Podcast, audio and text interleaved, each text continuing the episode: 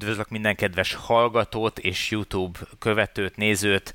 Ez a Villanyóra, a Villanyautósok heti egyórás podcast műsora az elektromobilitás aktuális híreiről és érdekességeiről, illetve, ahogy most ebben az adásban is lesz, a, a zöld energiatermelésről. Mai témánk ugyanis a napelem farmok lesznek, és ehhez lesz két vendégünk is, de először is a stúdióban, virtuális stúdióban itt van velem Szöcske, Szűcs Gábor és Bíró Balázs, ahogy majdnem minden héten szokott lenni. Sziasztok! Sziasztok! Én pedig Antalusz Tibor vagyok, a villanyautósok.hu főszerkesztője, és két vendégünk ma, Pap László, a Soul Invictus, aki Soul Invictus néven szokott uh, cikkeket publikálni nálunk, minden héten úgy általában egy, néha két cikkel, illetve uh, Szőke Bálint, akit uh, rendszeres olvasóink Valentin néven ismerhetnek a komment szekcióból. Sziasztok! Sziasztok! Köszönöm, Sziasztok. hogy elfogadtátok a meghívásunkat erre a beszélgetésre. Az apropót uh, igazából az adta, onnan jött a gondolat, hogy uh, szervezzük össze ezt a témát, hogy két hónapja már Bálint, Valentin kint dolgozik Franciaországban egy naperőmű telepítésen, és hát elég sokat belelátott, vagy elég mélyen belelátott ebbe a területbe, annak ellenére, hogy ez alapvetően nem az ő szakterülete, ő ugye, mint tolmács, vagy te ott jelen kötöd össze a franciákat a, a magyarokkal? Így van, de gyakorlatilag mivel mérnök vagyok, és vegyészmérnök, azon belül pedig a nukleáris kémiát tanultam, tehát atomerőművek, ilyesmi, azért én, tehát ez egyáltalán nem áll tőlem távol, sőt. Akkor te, teljesen ö, nem csak, hogy érdekel, mint, mint, mint privát ö, zöld energia rajongó, hanem, hanem azért érted is, hogy miről szól ez az egész terület. Hát persze, különben nem csinálnám. Tibor, annyit szerintem még tegyünk gyorsan hozzá, hogy azok, akik nem a Youtube-on néznek minket és gondolkoznak azon, hogy vajon miért ilyen a, a, miért ilyen a hang, amikor Bálint beszél, ugye kint van jelenleg a napelemmező mellett, a préri közepén, egy domb tetején, úgyhogy minden szélzaj az sikeresen be is hallatszik. Úgyhogy igyekszik lenémíteni a mikrofonját, amikor nem beszél, elnézést kérünk, hogyha ha valakinek ez így attól függ, hogy hol hallgatja, kicsit zavaró, de viszont szerintem ez abszolút megéri most az árát, mert hogy a helyszínről jelentkezik be, és ott mutatja meg nekünk, hogy hogy néz ki ez a napelem park. Ha már így felvetetted Balázs, akkor Bálint megkérhetnénk, hogy mutasd be nekünk, hogy mi folyik ott? Igen, most hát levegő formájában a szél folyik, erről nagyon-nagyon-nagyon fúj, és egyre jobban.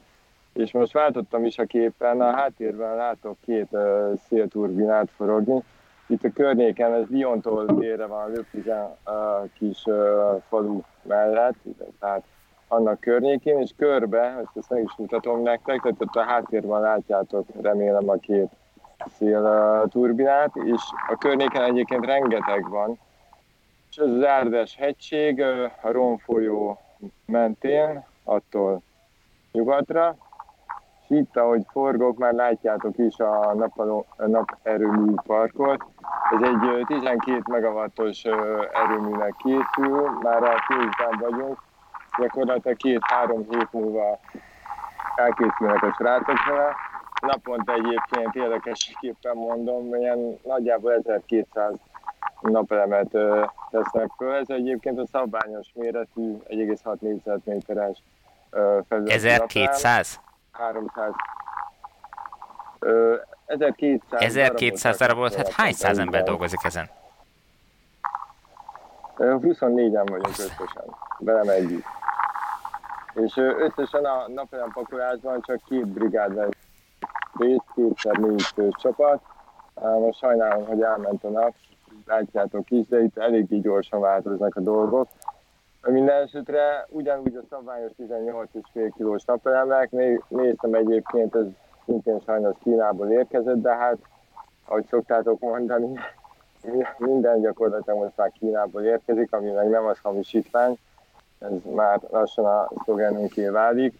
Ö, és akkor itt látjátok így végig, például a parknak ez a nyugati oldala, amit most a kamerában, vagyis a, a képernyőn láttok, bal oldalt, mivel az axiális erőmű, tehát kelet-nyugati irányban tudja követni a a nap irányát, a napsugarak irányát, ezek a tengelyek, és érdekes mód, hát nem tudom, hogy talán nagy képernyőn látszik, de majd közelről meg fogom mutatni.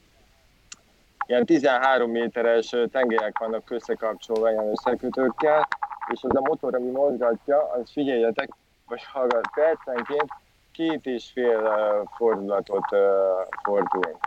Tehát egy óriási áttétellel, egy nagyon-nagyon erős motor, gyakorlatilag maximum 40 fokba fordítják el a napelemeket, vagy maga a rendszer majd, mert egyrészt itt tényleg nagyon erős a szél, másrészt nincs is szükség nagyobbra, harmadrészt, hát, ez az első visszacsatolva, ha nagyobb lenne, akkor sokkal jobban bele tudnak kapaszkodni a szél, tehát erre kifejezetten ügyelni kell.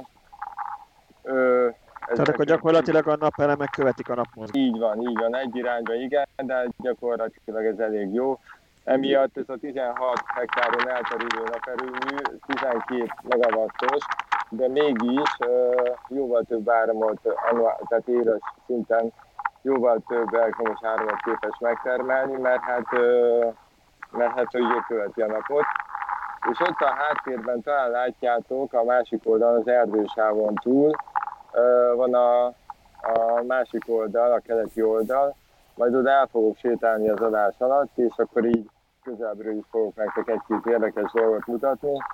Talán, hát innen talán nem látszik, de így a, az asztalok végén, ugye asztaloknak hívják ezeket a sorokat.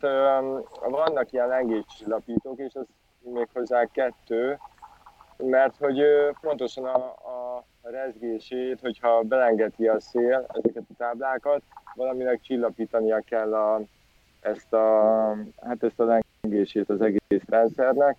Ö, egyébként az egész telepítés, az egész ö, építkezés az februárban kezdődött, akkor is itt voltam, gyakorlatilag akkor kezdtem el cégnél dolgozni. Ez egy magyar cég, San a neve, és ö, hát van egy magyar tulajdonosa, egy német, gyakorlatilag a német szerzi a projekteket, most párhuzamosan négy fut Franciaországban, megy Németországban is több projekt, és hát Afrikában is, meg Közép-Amerikában is felmutattak, meg Dél-Amerikában is. Közben, bocsánat, hogy megszakítalak közben, esetleg le, le tudsz sétálni erről a magaslatról, hogy igen. talán a szél igen, kevésbé... Igen, igen. Szél. Jó. Addig uh, átváltok ilyen. Most eléggé... Ez egyébként, ahol most lemászok, nem tudom, hogy látjátok, de igen, látjátok, ez egy újabb terület, itt újabb naperőmű park lesz, ez egy 10 megawattos rendszer lesz. Erre is fölkértek, hogy csinál, nem engem, hanem a, a főnököket, hogy csináljuk meg, de valójában túl kevés az ember, és túl sok a projekt, és uh, egyébként meg pont ez a különbség a magyar és a francia rendszerek között, hogy hát nem is a rendszer, hanem hogy a filozófiában egész egyszerűen a Franciaországban ipari területekre telepítik a naperőmű parkokat. Erre nagyon odafigyelnek, tehát olyan területre, ahol a földet a növénytermesztésre már annyira nem lehet használni. Reméljük megmaradok. Oké, okay, szuper. Hát korábban volt itt valami gyár, ami már elszennyezte a területet? Igen, igazából nem tudom pontosan, hogy ez milyen gyár volt, de nézzétek meg a törmelékeket, várjál, visszaváltok. Um, hogy tudom megfordítani, áll, megvan. Nem. Úgy néz ki, mint valami csatatér tényleg. Valami... Pontosan. És hát egyébként az az első az építkezéseknél, hogy megcsinálják itt az utat, meg végig a kerítést, mert hogy itt rengeteget esik a csapadék, és amikor fölázik, akkor gyakorlatilag a munkagépek, főleg a terautók, kamionok, amik hoznák az alkatréseket, nem tudnak bejönni. Például a, a cölöpöket, ami most itt már nagyjából látszik is. Így kezdődik az építkezés, ezen az oldalon van kb. 4000-4200 szülők, és a másik oldalon is nagyjából ugyanennyi, és ami nagyon, nagyon nehéz, hogy ezeket a cölöpöket van egy batőz, egy ilyen cölöpözőgép, az veri le, ez a sajátunk a cégé, és hogy 4-4,5 méter hosszú, attól függ, hogy nyilván a, a talaj nem mindenhol ugyanolyan magas, ettől függően különböző hosszúságúakat használnak, és lézeres szintezés van GPS koordináták szerint, állítják be a helyeket, hogy hova lesz leütve, de ez nem a rendes polgári, hanem a, a katonai, vagy hát nem tudom, ami az ipar, amit az iparban használnak, tehát milliméter pontoságú. És nagyon-nagyon precízen kell leütni, mert hogy nyilván a fölöpözőben ez a rendszer folyamatosan működik, és nézi, hogy jó helyre van eletéve a tölp, Azért fontos, mert ugye mivel egy tengelyen fut végig, minden tengelynek egy sorban kell lenni, különben majd, vagy szölöpnek egy sorban kell lenni, különben a tengely egész egyszerűen nem fog tudni fölfeküdni az oszlopokra egészen pontosan. Úgyhogy én azt láttam, mint fura, de mint tolmács, totálisan tisztában kell lennem az egészen, mert amikor fordítok a francia és a magyar főnök között, Egyébként a magyar főnök zseniális, tehát egy fantasztikus elme, nagyon tisztelem és nagyon Tamásnak hívják, most egyelőre ennyi. Egy személyben logisztikus, csinálja a technikai részét, kíséri, figyelmel kísér az egész építkezés, és olyan dolgokra is képes odafigyelni, amit, ami, amiről mi megfelelkezünk. De amikor fordítasz, akkor igazából ott kell lenne, tehát tudnod kell, hogy miről van szó, hiába érted, ha nem vagy kint a területen, nem nézed, hogy mi folyik, akkor egész egyszerűen nem fogod tudni a dolgot lefordítani, mert nem vagy benne. Úgyhogy ezért egészen érdekes információk is eljutnak hozzám, amit kifejezetten szeretek. Itt látjátok egyébként ezeket a dolgozokat, itt meg is mutatom nektek, ezeket a modulokat, vagy hát így igazából a modulokat a paneleknek, hiszen a paneleknek hívjuk, és ez ebben egy ilyenben 31 darab van. Bocsánat, 30... tudsz kamerát váltani, mert egyedül a nyakad látjuk. Ja, bocsánat. Jó, én már a tájat néztem. Így van. Ez az.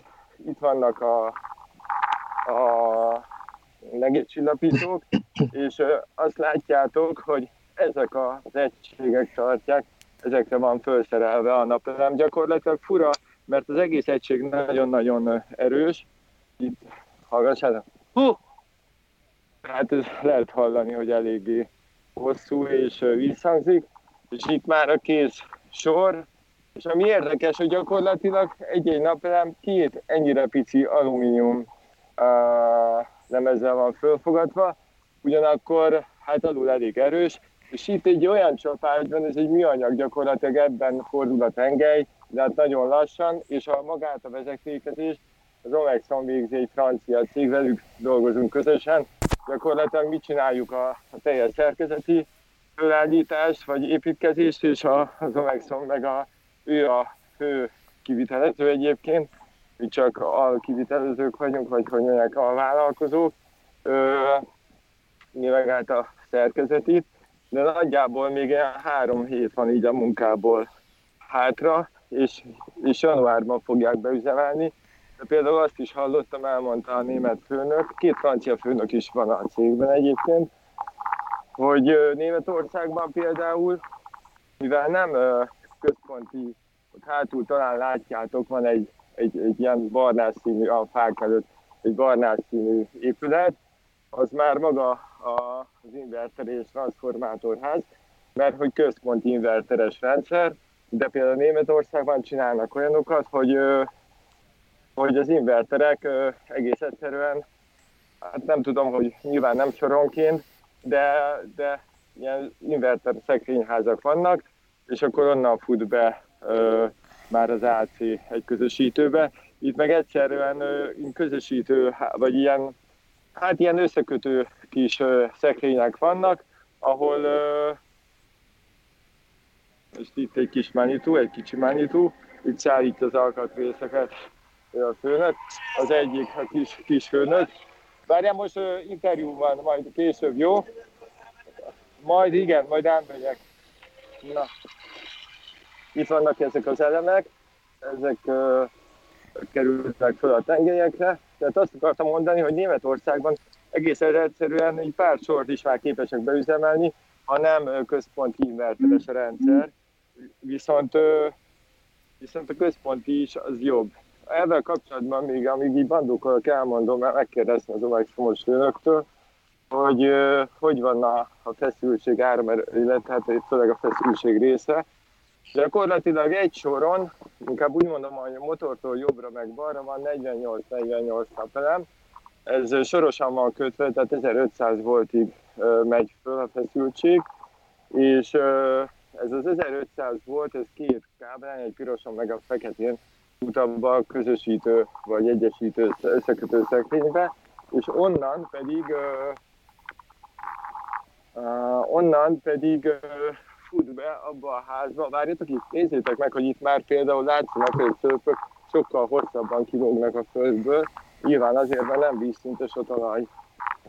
És akkor bemegy abba a házba, nem tudom, hogy uh, mikor tudsz uh, most berakni azokból a képekből az adásba. Hát majd utólag fogom bevágni, most így menet közben nem, nem, fog, nem fogom tudni. Majd utólag rárakom, tehát a, a, a Youtube-on már úgy fogják látni a nézők. Jó, tehát befut abba a házba, ebből három van ezen a nyugati területen, egy az inverter transformátorház, és a nyugati oldalon meg kettő, vagyis keleti oldalon meg kettő, és az 1500 volt befut az inverterbe, az modulálja, illetve átalakítja AC-vá, váltóárammá, de 690 voltra alakítja át, és a 690 volt AC megy át a falon az épületen belül, a másik oldalon egy óriási nagy Siemens transformátor van, egy folyadékhűtési transformátor, és az alakítja át a 690 voltos AC-t 1500 voltra. Ö, ja, talán így. Jó, 1500 voltra egyébként, még a szemét kint van mindenhol, nyilván az a végén el lesz majd takarítva, de hát most egyelőre szerelni kell. A szemét elszállítás, az folyamatosan zajlik ilyenkor.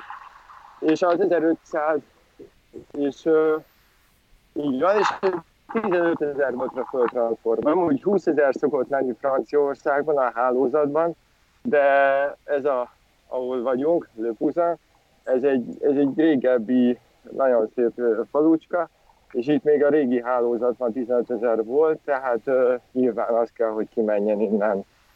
Ami, ami még érdekes, hogy 10, uh, tehát ez a 12 megawatt, ez 7800, számán mondtam, 7800 embernek elegendő, így ö, ellátásra. Tehát ez nem az ipari ö, létesítményekbe megy, hanem rendesen a lakók fogják felhasználni. És, ö, Igen. És hallotok? Igen. Jó, szuper. Közben lemerült a jobb oldal. És az a helyzet, hogy benne van a fűtés, az elektromos fűtés is ebbe a 7800-ba is. Kalkuláltam egy gyorsat, és hát olyan kevésnek tűnt, hogy 12 megawatt hogy tud kiszolgálni 7800 embert, de hát nyilván az a válasz erre, hogy egész egyszerűen, mivel követi a napot, éves szinten nagyobb a termelése a, a rendszernek. Erről van egyébként Nyilván... adatot, hogy ez az egy tengelyes napkövetés százalékosan mennyi extrát jelent?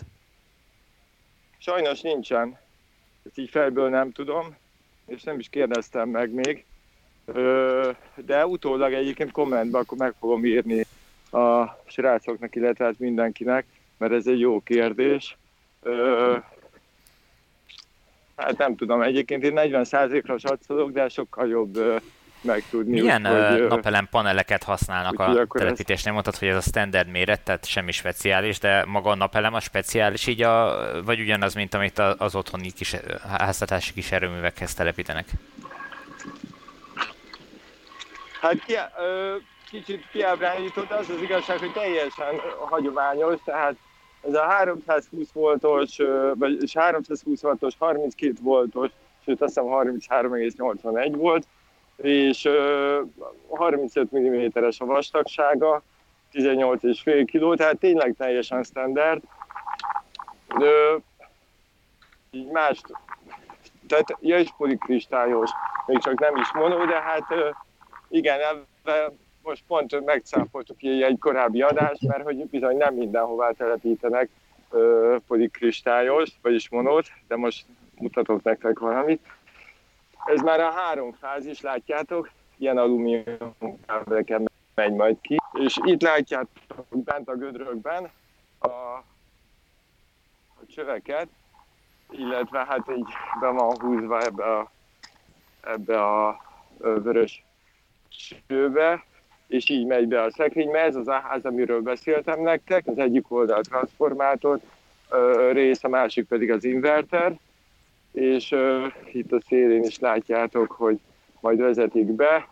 Ez a, ez a része, ez az oldal, ez már a keleti oldal.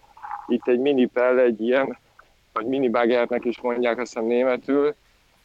Ez elég sokat kell dolgozni, valójában mindig van valami, ami nem úgy alakul, ahogy, ahogy terveztük, például a rengeteg helyen nem mentek le, egész egyszerűen tényleg nagyon erősek, de elhajlanak, mert hogy a talaj nem homogén, rengeteg kő, kavics, meg törmelék van benne, meg sokszor ilyen betondarabok is, azokat ki kell lásni, és innentől kezdve óriási a többletköltség az egésznek.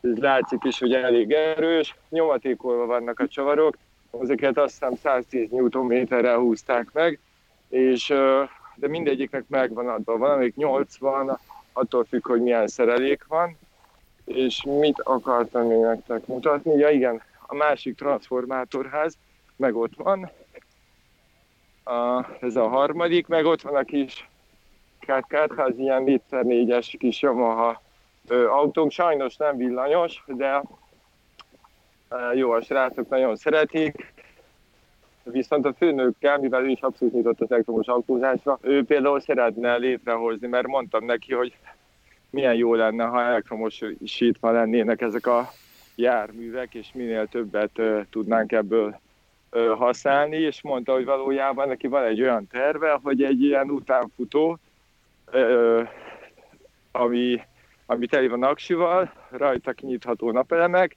és onnan ellátni a bázis, meg egy csomó mindent elektromos árammal, mert hogy egy csomó olyan építkezés van, például Magyarországon egy 42 megawattosat fejeztek most be, ö, hát körülbelül szerintem 30 en építették, ö, amit hát most nyáron, azt hiszem most nyáron lett vége, majd eszembe jut, hogy hol, akkor azt is mondom, de valójában igen, Magyarországon is szerencsére nagyon sok ilyen erőműt hoztak már létre, és ö, és hogy visszakanyarodjak. Most is van szó az egyikről, de hát igazából nem szívesen vállalják el, mert pontosan ott van a, az, amikor ki akarják írtani a, az erdőt, és még a, a konkrétan lakosságnak se lett előzetesen szóval ebben kapcsolatban.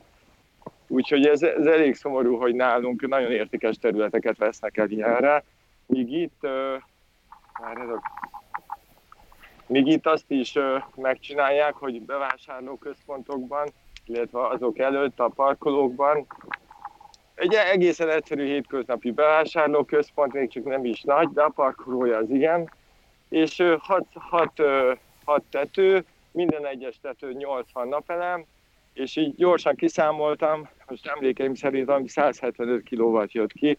Ez egy szimpla parkoló, és semmi különös, ennél vannak jóval nagyobbak, és valójában minden ilyen felületet próbálnak befedni, mert hogy védi az autókat, az embereket, amikor kiszállnak, beszállnak a nap ellen, az eső ellen, nem forrósodik Igen, az aszfalt. Itt az előbb Tehát, mondtad ugye, hogy, hogy költséges tud lenni, hogyha mondjuk szennyezett a talaj, és ki kell ásni, meg ugye a cölöpöket eleve le kell ütni, meg a nagy transformátor, meg a, az inverter, meg a minden nyavaja.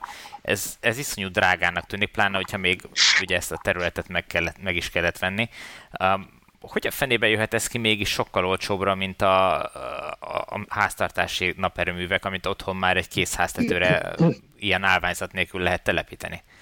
Tehát ez egy, ez számomra egy fölfoghatatlan. Illetve, illetve még arra is kíváncsiak lennénk, hogy a, ez a projekt ez részesül állami támogatásban, vagy piaci alapon épül. Nagyon tudtam, hogy ez, lesz, hogy ezt fogod kérdezni, vagy nagyon sejtettem, és jogos a kérdés. Ezt a CNR rendelte meg, az Franciaország egyik legnagyobb energiaszolgáltatója, ő működteti a szélforgókat, illetve a szélturbinákat is, amiket mutattam, és meg hát itt a Rón völgyében, illetve a Rón folyó mentén több, ilyen vízerőmű épül, az épült az ő rendelésükre, és rengeteg napelem erőműpark is van a környéken, még ezen kívül is. A legalább hármat megszámoltam, de a közvetlen közelben, ilyen 5 kilométeres körzetben. És az van, hogy Várjál, most Benoával múltkor beszéltem erről, és azt mondta, hogy ne, hogy várjál? Nem, szerintem ez nem. Jó, ezt is megfogom, mert hülyeséget azért nem akarok mondani, de úgy tudom, hogy nem államilag támogatott. Én ezt a múltkor valamelyik kötöknek megírtam, ha jól emlékszem. Nekem, nekem, nekem kommandon megírtad. Szóval neked, és mit, mond, mit mondtam, mert már nem emlékszem pontosan a választ. Uh, az, hogy piaci alapon épül. Igen, igen, mert a CNR valójában elég komolyan csinálja ezeket az építkezéseket, és akkor így is van, mert akkor ugye friss volt az információ, és azt leírtam neked, akkor ez így is van, mert hogy például a vízerőművek, ezek ilyen kisebb vízerőművek, mégis hat, hat van párhuzamosan, tehát egymás mellett, minden egyes szekcióban egy 40 megawattos egység van, tehát a turbina és avval összekötve a, a maga a motor, illetve hát a, a turbinához hozzákötve ö, átételen keresztül a, a na mindegy, ö, mindegy a fordított járás, mindegy, termelje a motor az áramot, és 40 megawattos, és 60 egymás mellett. És akkor így jön ki, tehát egy ilyen vízlépcső, vagy egy ilyen vízerőmű 240 megawattos teljesítményt produkál, és egyébként eléggé jól beszabályozza a folyónak a vízszintjét, még akkor is, amikor óriási esők vannak, volt itt már többször is, nagyon turbulens az áramlás a folyónak, és mégis a vízszint az marad, mert hogy több vízlépcső van, és, és ezekkel Na, és most mutatok is nektek valamit. Itt áll egy autó, ez pont a CNR-től jött, ez a CNR-nek az autója, ott is van rajta, hogy CNR. Ö, tehát az ő kezükben van ez a naperőmű is. A, Bálint? Az ő, igen? Arról lehet valamit tudni, hogy nagysága ennek a projektnek, hogy mekkora, me, mekkora bekerülési költsége. Igazából az, az érdekelne, aztán lehet, hogy erről a Laci tud mondani valamit. Bocsánat, nem beszéltük meg előre, hogy így kicsit a fókuszba helyezek, de hogy, hogy mennyi ennek egy másfajta erőmű típussal szemben mondjuk a per megawatt teljesítményben a, a költsége, mondjuk egy szénerőműhöz, vagy egy, vagy egy atomerőműhöz képest? Hmm. Hát, hogy per megawatt mennyi, az Franciaországban szerintem 1000 igen, euró igen. lehet. Igen, én, úgy, én, én a többiek, ezt, ezért konkrét konkrétan nem tudom, én azt tudom, hogy ilyen 4 cent a per kilovattóra, vagy kilowatt uh, szokott ugye lenni nagyjából. Uh, jó, jól mondom? Szóval, igen, igen, igen. Uh, de hogy ez konkrétan mennyi volt, azt nem tudom, de akkor majd a Benoának írok egy e-mailt, és akkor azt is Ja, hát elég, elég, ha, ha titkosabb pontos összeg, elég csak tudni nagyságrendben 100 millió euróra kerekítve, vagy nem tudom, 10 millió euróra kerekítve, hogy tudjuk mégis hova, hova helyezni. Mert ez sokszor Mondjuk... felmerül, hogy valóban mennyi, mennyivel olcsóbb ez, vagy, vagy drágább esetleg, mint egy másik uh-huh. típusú erő. Jól van, akkor ezt is majd megírom. Ez azért is érdekes kérdés, mert ugye tudjuk, hogy Franciaországban az erőművek, illetve az áram 80%-a, az elektromos áram 80%-a az atomerőművekből jön, Ja, itt ezt nem is mondtam, hogy itt is van egy atomerőmű, úgyhogy a, a szélforgónak, a, vagy szélforgónak, a hűtőtoronynak a gőzét ö, rendszeresen lehet látni, az folyamatosan ö, jön föl, és aztán lecsapódik fönt a levegőben. Nagyon szép egyébként ez, ahogy kijön belőle, de hogy itt rengeteg, tehát annyi áramtermelés van a környéken, és én tényleg azt látom, hogy egyre inkább ontják és építetik a naperőműveket és a szél, tehát csak a környéken van 16 ilyen szélerőmű, és fönt arra felé, ahol már a, hát, és nem hiszem, hogy fogjátok látni, mert hogy viszonylag köd van, meg felhős az idő, de tavasszal voltam fönt a hegységben, van egy ilyen 1800 méter magas hegység, ott is rengeteg ilyen szélerőmű van. És ezt, ezt akartam még nektek mutatni, nézzétek ezt a medencét, ez egy ilyen üvegszál erősít fűtésű tartály, víz van benne, és gyakorlatilag így oldják meg Franciaországban az ilyen típusú erőműveknek a roltását. Nem, tehát a tűzoltó autók, nem a tűzoltó autókból ontják a vizet, hanem egész egyszerűen itt van egy 120 köbméteres tartály, a maximális magassága 1,6 méter, és ha bizony a ezek a rendszerek, ezek a szerkezetek is fölgyulladhatnak. Volt erre már eset, és ebből a tartályból azt hiszem kettő van a területen, egy a nyugati, másik a keleti területen, és, és ebből oldják, oldják meg a, az oltást. Ugye azért sokkal jobb, mert hát 120 köbméter, azt ha autókkal kéne ide szállítani, hát akkor nagyon sok autónak kéne jönnie. Úgyhogy ez egy elég praktikus dolog, és hát nem tudom, hogy nem halljátok, ahogy kong, de, de szerintem nagyon praktikus. Az adatokat, amiket ma kértetek, azokat mondom, így kommentben meg fogom írni. Ö, Én tudok mondani amerikai számokat. Igen? a legolcsóbb projektik innen 2 cent körül jön ki most a, a energia ára. Ha van hozzá akkumulátor is, akkor egy olyan 4 cent körül. Uh-huh. Már létező atomerőműből megvenni az áramot az 2-3 cent, szénerőműnél olyan 3-4 cent, és hogyha újonnan kell ezeket építeni, akkor uh, szénerőművet nem építenek már Amerikában, atomerőmű az, az 10 cent fölött lenne egy új építésnek. Mennyi lenne? Nem hallottam. 10? 10, 10 cent fölött. Hát gondolom már olyan biztonsági előírások vannak, amik eszméletlen módon megdrágítják, nem a, a atomerőmű építését magát. Igen, meg az atomerőművel az a baj, hogy ez ugye túl nagy, és kevésre van belőle szükség. És ugye, ahogy írtam a Wright törvényével foglalkozó cikkemben, hogy valamiből minél többet gyártanak, az annál gyorsabban tud lefelé menni az ára. Most az atomerőműknél ez nem működik, mert azokból keveset építenek. Hát kevés az iteráció, ezért a, a kevesebbet tudnak tanulni. Míg a napelem, ami ugye milliárd számra gyártanak, ott, ott mindig valamelyik mérnöknek van egy ötlete, azt ki tudja próbálni, és akkor, hogyha beválik, akkor ez el tud terjedni. Ja. Tehát a gyártási darabszám miatt a, tud a napenergia sokkal olcsóbban, olcsóbb Meg az atomerőmű ugye nem csak magára az erőműnek tésére beszélünk, nem mint hogyha nagy szakértő lennék, hogyha nem akarok baromságot mondani, de, de gondolom építeni kell egy átmeneti tárolót is, azt is meg Valent, Bocsánat, Valentin, a mikrofonod lekapcsolod, mert nagy a szélzaj. Igen, igen, igen, bocsánat. Köszi. Bocsánat. Sem csak azt akartam mondani, hogy vannak még ilyen egyéb járulékos költségek, ami biztos, hogy nem apró tétel, még úgy az erőművön magán kívül. Igen, mennyi meg kell hozni a hűtést.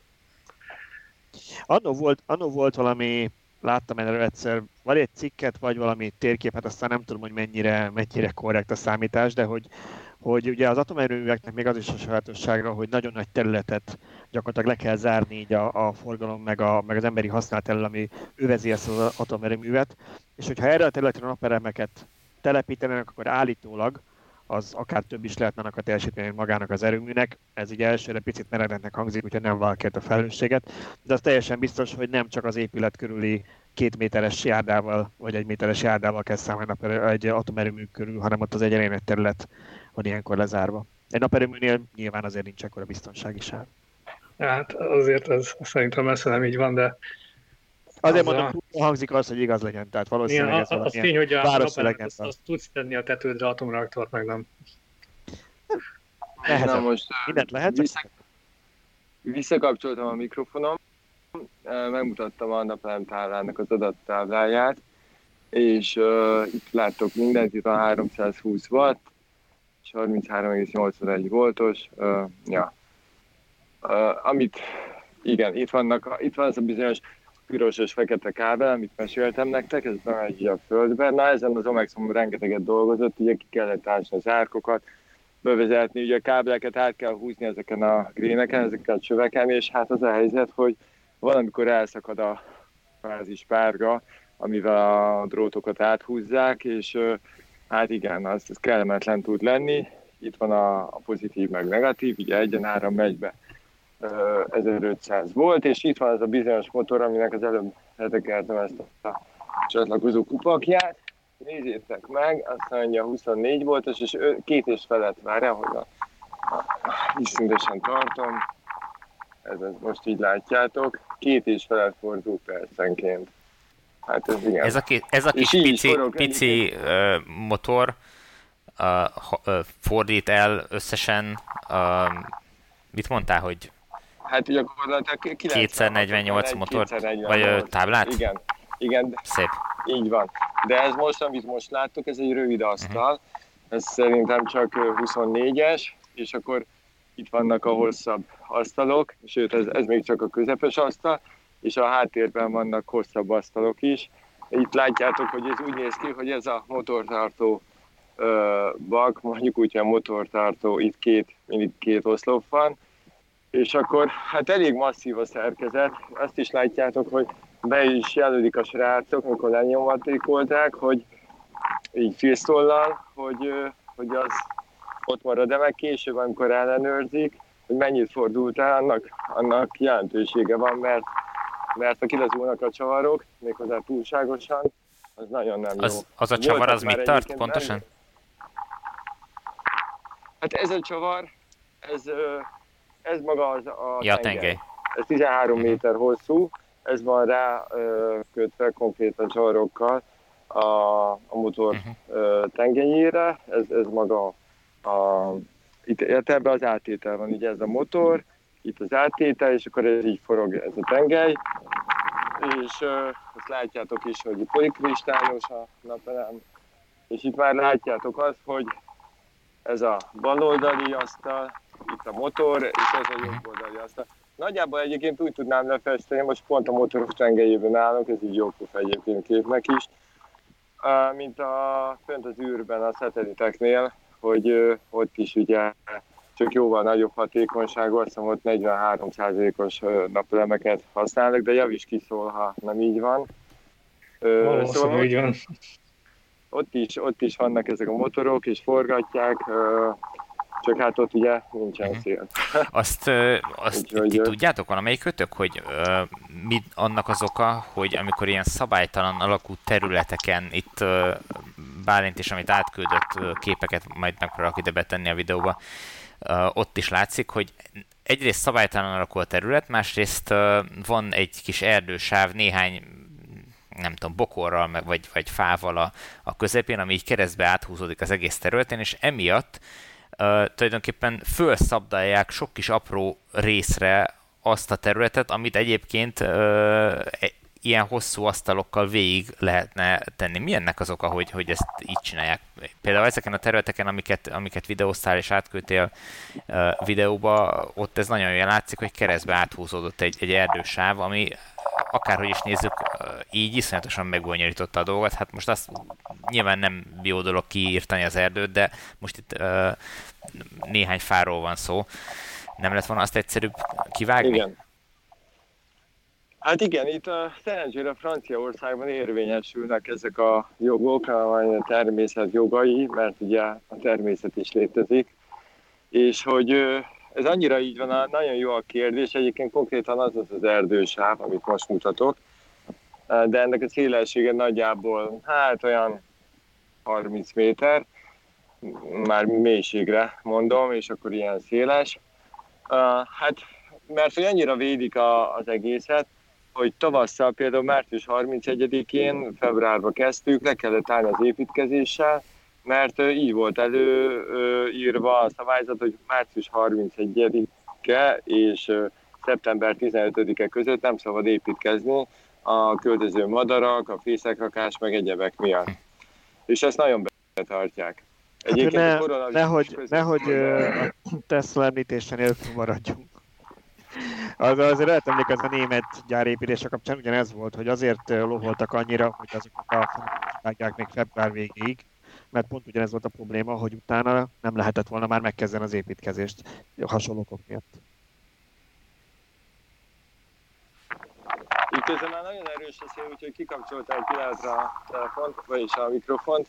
Ö, én, én azért nem gondolnám, hogy itt szélsőségesen bánnak ezzel, mert ö, valójában nincsen a lakosság részéről semmiféle ellenszenvis ellenérzés, Sőt, akárki, aki ide jön, vagy érdeklődik, kérdezik, hogy mi épül itt, vagy ha a városban beszélek velük, nagyon-nagyon örülnek a naperőműparknak, és mindig kérdezik, hogy akkor az hány megawatt, vagy hogy milyen teljesítményű, meg hogy hány embert lát el, egyáltalán, hogy embereket lát el, majd el árammal, és a franciák kifejezetten örülnek ezeknek, annak ellenére, hogy tudják, hogy ugye most jelenleg nagyjából a, az atomerőművek fedezik a, az elektromos áramot, vagy adják, és még az is érdekes, hogy úgy is akartam mondani a naperőművekkel kapcsolatban. Na mindegy, szóval, hogy ugye Franciaországban már ez a, a terv megszületett, hogy, a nap, hogy az atomerőműveket folyamatosan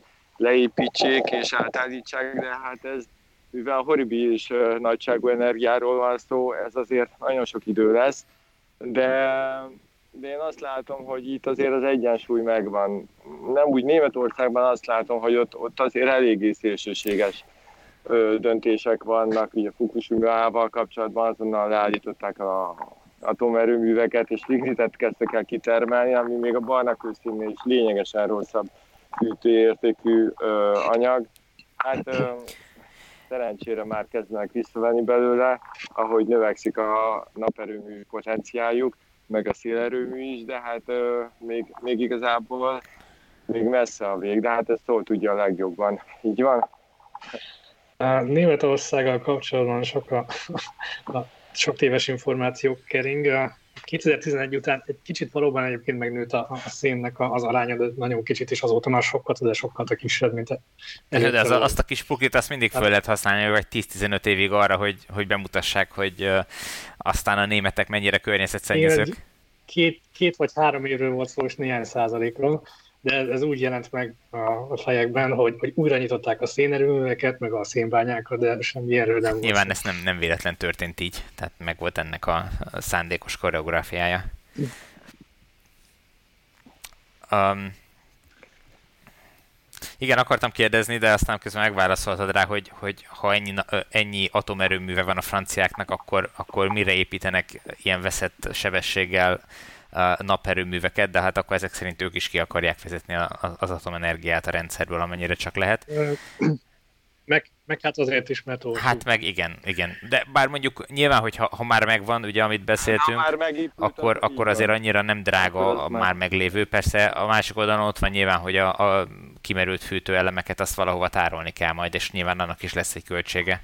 Igen, de a francia energiamixben is azért van földgáz is, még valamennyi szén is, és ahhoz képest meg olcsóbb. Nyilván. A megújuló energia. Igen, bár, bár gyanítom, hogy ott is a földgázt azt a szabályozásra használják inkább, nem? Tehát, hogy, hogy amikor, amikor csúcson vagy amikor valamit le kell tekerni, akkor azzal tudják valamennyire szabályozni. Igen. Tehát az, az, az rugalmasabb, is, és ugyanez a probléma a napelemmel is, hogy, is valamennyire. hogy a, a napelem az nem kiszámítható mm, egyelőre. És akartam még kérdezni... Kivéve, ha van mellett akkor... Igen, ezt akartam kérdezni, Bálint, hogy akkumulátortelep lesz-e mellett a, a, a naperőmű mellett? Emellett nem terveztek egyáltalán, de éppen pont szóltól tudom, hogy ugye tőlünk erre, ez a régió, ahol vagyunk, ez Auvergne, um, igen, Auvergne, Rhône, Alp, ez a neve. Úgyhogy gondolkozom kellett, mert van egy másik, amit így jobban megszoktam, de a lényeg az, hogy abban, ott a fönt, tőlünk északra, abban a régióban uh, építettek ilyen hány megawattórás akkumulátorkapacitás? 24. 20, négy vagy öt, igen. Szóval, hogy ehhez nem terveztek, de ha eszembe jutott, amit az előbb elfelejtettem, hogy ők, ők azért a franciák bátran fűtenek elektromos radiátorokkal. Konkrétan a viszállásunk föl van, föl van az árdásban, amit látok most így a háttérben. Egyébként pont hétvégén mentem át rajta, és hát annyira szép, hogy káprázatos, tehát ilyen 1200 méter magasan, vízszintesen vezet az autóút, tehát nem az, hogy föl aztán másik oldalon le, mint nálunk a Mátrában, hanem hogy ott fönt megyünk, és annyi sas volt, hogy így, így számoltam, hogy 4, 5, 6, 7 egymás után volt, meg is álltam egyszerűen, káprázatosan szép, és ö, igen, tehát hogy a, a kempingben, ahol lakunk, ö, ott elektromos radiátorok vannak, ö, sok helyen, nem mindenhol, de sok helyen, és nálunk az elektromos áram nagyon olcsó. Ugye ez volt így van, jól tudom, hogy olcsó. Igen, hát a magyar áramnál azért drágább, olyan közel 20 cent most a francia Igen, de akkor de relatív olcsó. Hát a 60 forint akkor nagyjából a igen, igen, tehát a magyar, magyar az egy olyan forint van. Magyarországon 11, Franciaországban olyan 19-20 között van, Németországban 30. Hát középmezőny. Viszont, viszont ugyanakkor az üzemanyag az kifejezetten drága. Tehát a gázolaj ugye nem csak tolmácsolok, hanem ezt meséltem a pont a műsor előtt, hogy délelőtt az egyik nagy nyomású cső, a hidraulika cső szétment a Manitúba, azonnal kellett mennem föl a Valensba, ez egy nagyváros, fent északon, és csináltatni egy ilyen csövet, 280 bár nyomású, és hogy hát nyilván gázolajjal mennek ezek a gépek, és egy liter gázolaj, most ahogy szoktam tankolni, ez egy, 1 euró 25 cent, az mennyi? Ez körülbelül olyan 450 forint, vagy most otthon mennyi? Otthon mennyi? 380? Akkor nem is olyan drága. Hát mindegy, szóval drágább, mint otthon. A... Mennyi otthon az? Ja, hát jó jó csapatot kérdezel. Igen. Összehasonlítás A benzin 380 körül van. Uh-huh. Na ott látok egy srácot, narancsárgában, ő például az Omexomnak az embere, Liomnak hívják, egyébként egy jó fej srác, és ők bent dolgoznak így a bekötésen a transformátorházba. Ha megkérdezem, oda megyek, hát ha nyitva van, és akkor, és akkor meg Jó, csak ne nyújts semmihez. Nem, hogy egy lesz. nem, még nincsen áram alatt a rendszer. Azt soha nem lehet tudni. A, az áram alatt lévő vezeték pont olyan úgy néz ki, mint az nem áram alatt lévő, csak Ez más van, a fogása. Csíp egy kicsit, amit hallottam. Magyarországon is egyre több ilyen napkövetős erőmű fog épülni, mert néztem a második metátrend az ajánlatait, és, és egy igen jelentős részük az már napkövető. És erről lesz cikkünk, ugye? Hogy egy kicsit promózzuk is a... Igen, hát nem, nem pont erről, hanem a metártenderről. A, a, a, hát a, annak kapcsán arról, hogy hogyan alakult a, a, a napenergia ára, tehát a naperőművek által termelt napenergia ára, és ez hogyan viszonyul az áram tőzsdei árához, meg a, a paksi áram árához. Ez nagyon érdekes kérdés ez a napkövető rendszer számomra, mert hogy valamikor régen, amikor nagyon drágák voltak a napelemek, akkor foglalkoztak ezzel, mert nagyon drágák voltak a napelemek. Aztán utána odaértünk, hogy kevesebbe kerül plusz 30-40-50 százalékkal több napelemet letelepíteni, mint egy ilyen rendszer ugye masszívabb tartószerkezetre van szükség ahhoz, hogy ez mozogni tudjon, stb. És most eljutottunk odáig, hogy a helyjel szeretnénk takarékoskodni, és azért építünk napkövető rendszereket? Szerintem egyszerűen olcsóbb lett a technológia. Meg. Na de hát az a, a célszerkezet, a célszerkezet meg a, a motor az hogy tud olcsóbb lenni, azok már úgy gondolná az ember. Valószínűleg többet gyártanak belőle. De tényleg kérdeztem is, és nem is válaszoltam a, a Tibor a kérdésedre. Hát, hogy valószínű úgy, hogy azért van a gyártó, aki mondjuk sokszor elrontotta a szállításokat, mert amikor beérkezik egyszer egymás után 24 kamion, jó több nap alatt, és hozzák a modulokat, stb., akkor azért azt így nincs is rá kapacitásunk ezeket megszámolni, de... Hú, na most nagyon nem hallunk semmit. Igen, igen, igen, igen. Vonulj kicsit szélvédettebb helyre. Megpróbálom. Est-ce que tu peux ouvrir de l'autre côté Je voudrais montrer un peu Merci beaucoup. Kinyitják nekem a másik oldalt.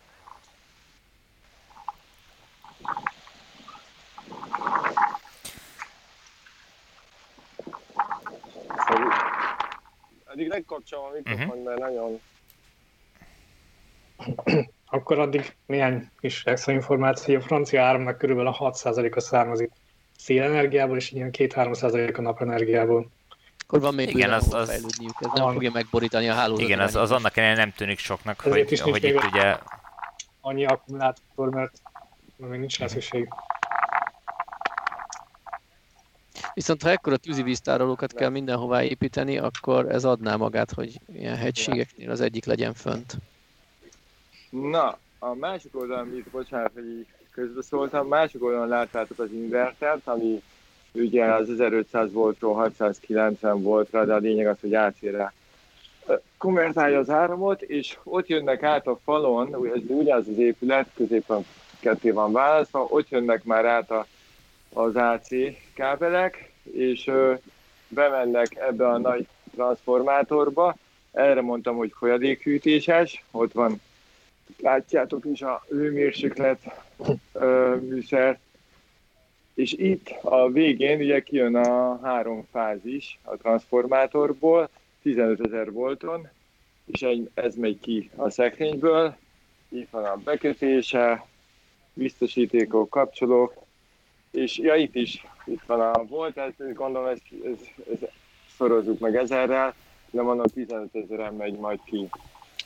És hát ezek ilyen kapcsolók, erre, ezt, ezt már nem tudom. Ah, és ide lesznek még bekötve, ez is gondolom a három fázis itt, amint látjátok. Úgyhogy ez elég, Szerintem ez érdekes, nekem legalábbis nagyon tetszik. Ez nem, nem, nem? pont az, amikor foggal blankolod le a vezetéket otthon, hogy Hát azt figyelj, azt, azt valószínű a, a, a hát fogorvosok szövetsége sem, vagy lehet, hogy pont ők ajánlják, de nem tudom, tehát ez nem biztos, hogy a legjobb ötlet. Otthon se. Le is van földelve, így, ah, megint más mutatok, mint amit kéne. Le van földelve az ajtó is, Úgyhogy... Bálint, még arról mesélj, a, a múltkor említetted, uh, mikor uh, így a technikát próbáltuk, hogy uh, hogyan ösztönzik a franciák, hogy a benzines meg dízelautókkal és alacsony fogyasztással menjenek az emberek hétvégente az autópályák mellett.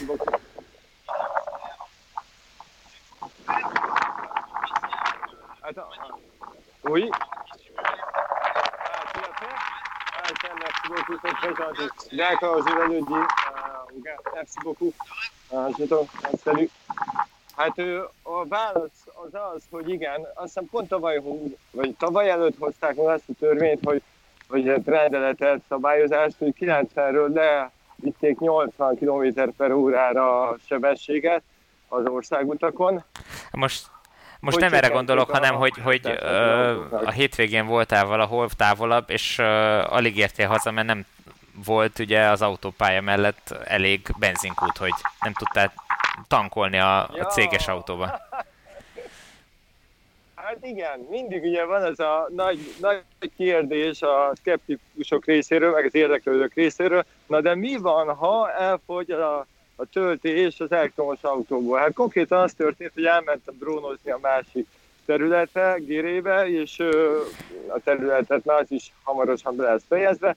Jöttem vissza, és meg akartam tenni oda-vissza az utat egy tankkal, ez ugye 900 950 kilométeres utat kellett megtennem, ez egy 1.4-es turbódízel autó, sajnos nem elektromos, egy kis Ford Fiesta, és én mindig így kalkulálok hagyományos autóknál is, mert szeretem egész egyszerűen, és úgy, úgy kalkuláltam, hogy ezt, ezt meg is tudom csinálni, és jó a villanyautós módjára, bár még nincsen villanyautóm, de már vezettem több, többet is, azt hiszem 6-7 fajtát, és, és az van, hogy ezeket a tehát lehet úgy vezetni egy hagyományos autót is, hogy tudjunk kalkulálni az üzemanyaggal, de mikor Lyon közelébe voltam már, Clermont-Ferrandtól mentem keleti irányba, és onnan le délre, akkor láttam, hogy valami nem stimmel, mert hogy kevesebb üzemanyagom van, illetve az utolsó egység gyorsabban fogyott el, mint kellett volna,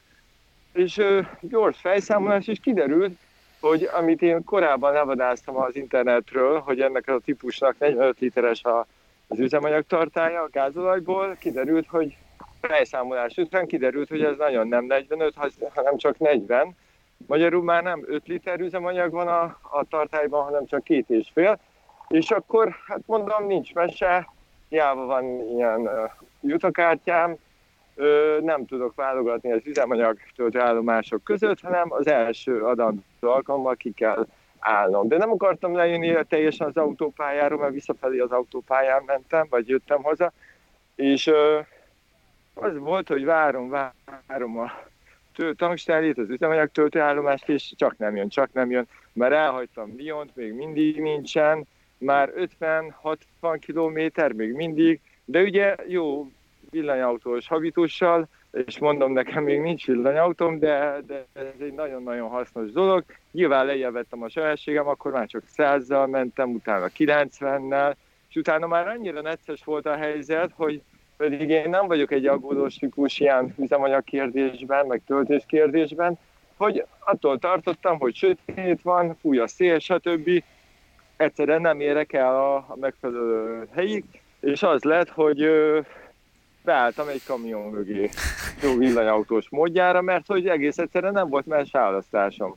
És ott mentem a kamion mögött, nyilván olyan távolságban, hogy még le tudjak fékezni, ha baj van, de hogy a nagy déli szélben, ami a Ron folyó vonalában nagyon erős szokott lenni, olyan erős, hogy képzeljétek el a Dunát, a múltkor ment a föl északnak, és akkor a hullámok voltak rajta, mint vihar idején a Balatonban, vagy mondjuk a tengeren. Szédületes volt egyébként, sőt, picit félelmetes is, de amikor jöttem le, a, szerencsére egy idő után kiírták, hogy benzinkút 8,5 kilométer múlva, és Hát akkor elkezdtem számolni, hogy hány kilométert tudnám tolni az autót. Igen. Hallottok még? Igen. És az lett a vége, hogy hát így mondom, hát tudom, hogy szabálytal, meg nem szabad, de hogy, hogy hát ha áll, akkor muszáj lesz, tehát én nem fogok itt maradni. És akkor így folytak a kilométerek, de már 85 kilométernél jártam, két és fél liter üzemanyaggal. Tehát ez, ez 85 km, két és fél, oda... 85 kilométeren keresztül figyelni. nem volt benzinkút az autópályán? Így van. Ez hogy lehetséges? Jó halló. Sőt, igazából 88 és fél. Készítik fel az embereket az átállásra, Tibor, az elektromos autókra, hogy lelkileg szakják, tudod. Hát tudjátok, itt Franciaországban már ott tartanak, hogy robbantják fel a, a kutakat, hogy átálljanak az elektromos autók ö, fogadására nyilván csak vicceltem, de valójában ezt azért azért vetette föl Tibor, és azért jó a kérdés, mert bizony, lám, igenis létezik az, hogy az ember nem tud tankolni autópálya mellett egy hagyományos autóval.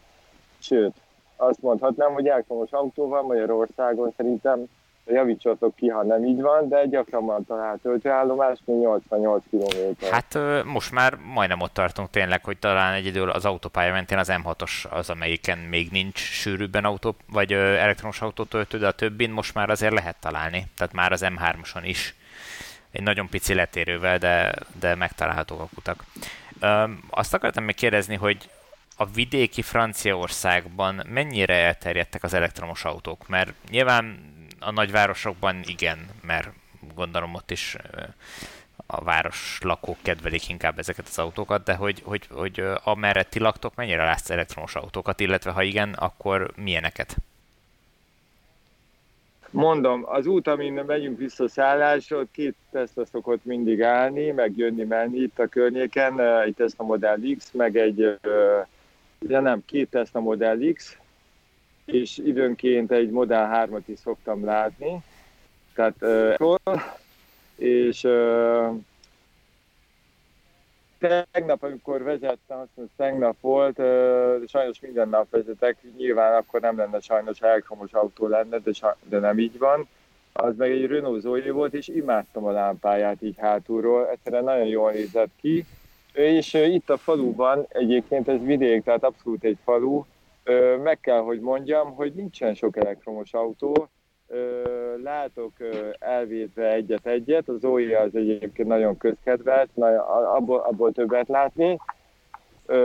Meg hát a környéken, ahol lakom, mármint a kempingben, ott valaki akar venni egy Teslát, ugye természetesen Németországból behozva, tehát használtan meg ott a ugye itt Franciaországban nagyon sok a körforgalom, és a körforgalom közepén, mert ez egy nagyobb körforgalom, van egy töltőállomás. A kérdés mondta, tavasztól most őszig ö, egyetlen egy autót nem láttam még ott tölteni, és most ezt azért mondtam, mert hogy, hogy legyek ö, objektív, és ö, ne azt mondjam, amit hallani akartok. Nem láttam még ott tölteni autót, most ez két dolgot jelent vagy azt jelenti, hogy nagyon kevés az elektromos autó, vagy az, hogy, hogy otthon töltenek, de inkább ez utóbbit, mert a, a régióban nyilván itt nagyon sok a kertesház. Úgyhogy ugye ez nem, nem egy Párizs, Dion, Marseille, vagy Lille, vagy bármi, hanem, hanem itt ez egy pár ezer fős falu itt a környéken.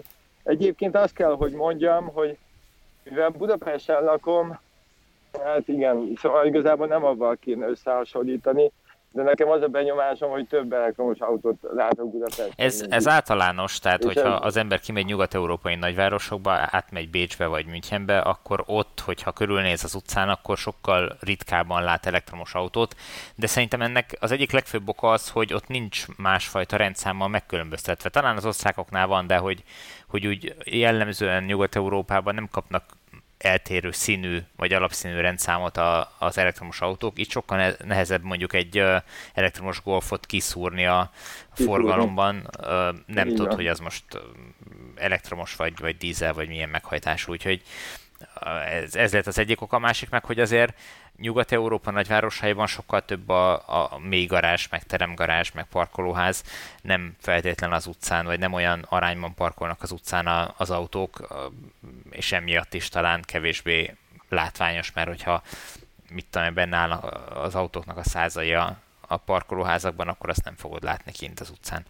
Egyébként meg, meg nyilvánvalóan, hogy a statisztika tehát az eladási adatok azt mutatják, hogy, hogy valahol kellenek legyenek, kell legyenek ezek az autók, amiket Nyugat, Nyugat-Európában eladnak, mert hát csak nem a, az úszdába viszik őket eladás után. Úgyhogy ez nyilván csak a látszat, hogy nincsenek. Hát,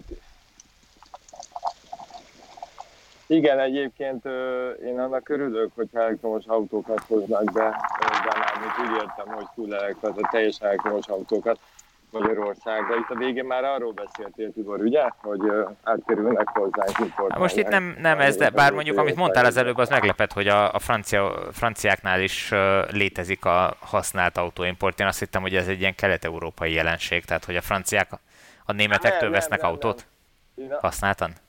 Nem, arra gondoltam, hogy, hogy mi magyarok importáljuk Franciaországba. Hát, az, az van, igen. igen. Hát figyelj, a Zoe az nagyon-nagyon-nagyon közkedvel, de ezt mhm. tudjuk, tehát ezt elérhető áron van, jó is, jól tudják használni nagyobb távolságokban is, megvan ez a kiegyensúlyozott 42 kW-os teljesítménytöltés. Hát nyilván, amikor például múltkor föl kellett vinni egy autót, egy kis buszt Lyontól északra, cserélni egy másikra, és az volt, hogy a parkon elég sokat kellett várnom, úgyhogy na itt egy másik ilyen ház épület. Beszélgettem egy francia anyukával, aki a egy, kettő, három, most hogy három vagy négy gyermek, azt hiszem három gyermeke volt, és kiderült, hogy Párizsból mentek le a tengerpartra, ez még október elején volt, jó idő volt egyébként, és hát nem elektromos autóval voltak, és így kérdeztem tőle, hogy, hogy elektromos autó az nem, vagy hogy, vagy hogy van vele, és mondta, hogy de, igenis érdeklődnek már a férjével, mert szeretnének is, de valójában ezeket a hosszú utakat még nem szeretnék avval megoldani, mert uh, így árban, meg uh, távolságban, hát ez távolság. Hopp, most elvesztettük Bálintot. Igen, úgy fonja ott a hidegben. Igen, viszont lehet, hogy most le kell zárjuk az adást, mert elmúlt az egy óra, vagy túléptük már az egy órát. Úgyhogy ha Bálint most nem jön vissza. Haló, Bálint? Igen, most hallotok? Igen, most hallunk, megszakadtál egy időre, és ezt én kihasználva az igazság, Igen. hogy én szerintem most le fogom zárni ezt az adást, mert túléptük az egy órát, úgyhogy már új témában nem nagyon vágnék bele. Úgyhogy köszönöm szépen, hogy csatlakoztatok Franciaországból, illetve Magyarország különböző nagyvárosaiból ehhez az adáshoz, illetve köszönöm a hallgatóknak, hogy meghallgatták a villanyórát. Hogyha még nem tettétek föl, akkor iratkozzatok föl a YouTube csatornánkra most nem néztem, de most ezekben a percekben lépjük át talán a 10.000 feliratkozót, amiért köszönet mindenkinek, aki már feliratkozott és bejelölte, hogy kér értesítést. Um, jövő hétig pedig olvassátok a villanyautósok.hu híreit. Sziasztok! Sziasztok! Sziasztok! Sziasztok!